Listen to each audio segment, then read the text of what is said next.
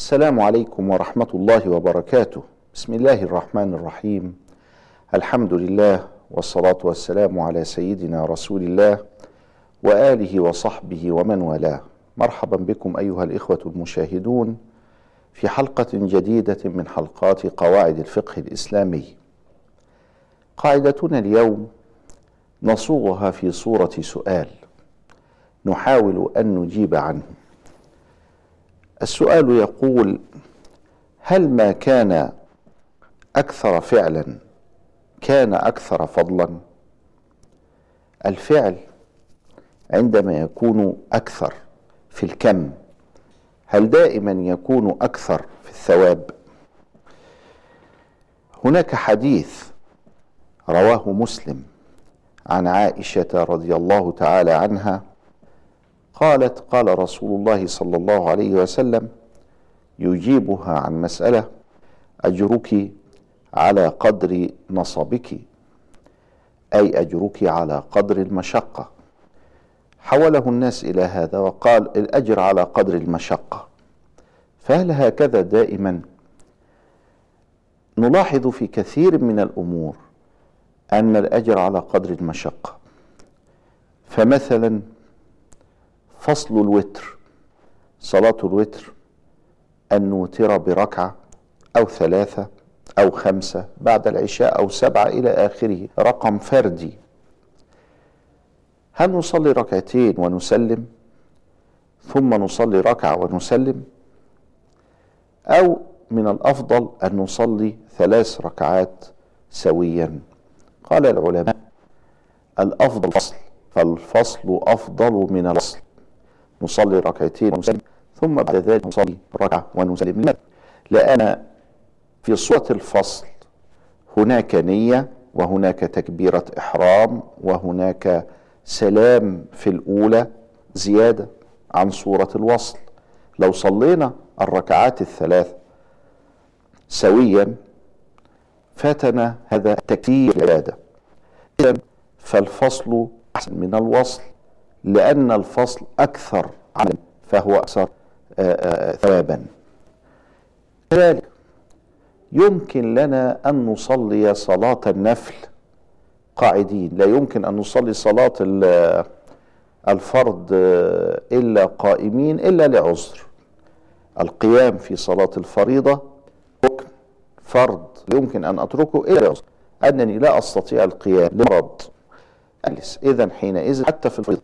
لكن لو لم يكن هناك عذر لابد أن أقوم في الفرض جميل. في النافلة يجوز لي أن أجلس ابتداء. أنا قوي قادر على القيام. لو صليت ركعتين لله أو ركعتين سنة وأنا قائم آخذ ثواب. لو صليت نفس ركعتين وأنا جالس آخذ نصف الثواب. لي أيضا وهذا أمر قد لا يراه كثير من الناس في حياتنا المعتادة. أن أصلي النافلة وأنا نائم ومستقبل بصدر القبلة. لو فعلت هذا آخذ ربع الثواب. إذا لو أديت صلاة النافلة على وجهها قائم مثل الفريضة فأنا أحصل من الثواب الثواب كامل. قائد نصف الثواب. مضطجع وعلى شق الأيمن مستقبلا القبلة بوجهي وصدري ربع ثواب إذا الأجر على قدر المشقة. لما كثرت العمل بالقيام أخذت الثواب أكثر. كذلك إذا ذهبت وعملت عمرة ومتعت بها إلى الحج فعملت العمرة وأنهيتها ثم تحللت ودخلت في الحج. ده حج تمتع. يجوز أن أفعل حج آخر وهو حج القران أذهب فأفعل عمرة وحج مع بعض من غير إحرام. حج التمتع أفضل من حج القران لأن النسكين أفضل من أن يكون نسكا واحدا. كل هذه الفروع تؤيد القاعدة أن ما كان أكثر فعلا كان أكثر فضلا ولكن هناك فروع أخرى ليست كذلك. لأن في الحقيقة أن الأمر ليس هو أمر كم فقط. بل هو أمر اتباع واسوه حسنه وإخلاص لله سبحانه وتعالى وجهد المقل وغير ذلك من الجوانب التي لا تجعل الأمر محصورا في الكم فقط. ولذلك خرج من هذه القاعدة صور. آه القصر الصلاه أنا مسافر وامامي أصلي الظهر ركعتين اربعه القصر أفضل من الاتمام كوني أصلي ركعتين وأنا مسافر خير من أن أصلي اربعا. لماذا؟ هذه صدقة قد تصدق الله بها عليكم فاقبلوا صدقته يبقى لمعنى آخر وهو التمتع برخص الله. إن الله يحب أن تؤتى رخصه كما يحب أن تؤتى عزائمه هذا فيه نوع من أنواع الشكر والثناء لله سبحانه وتعالى.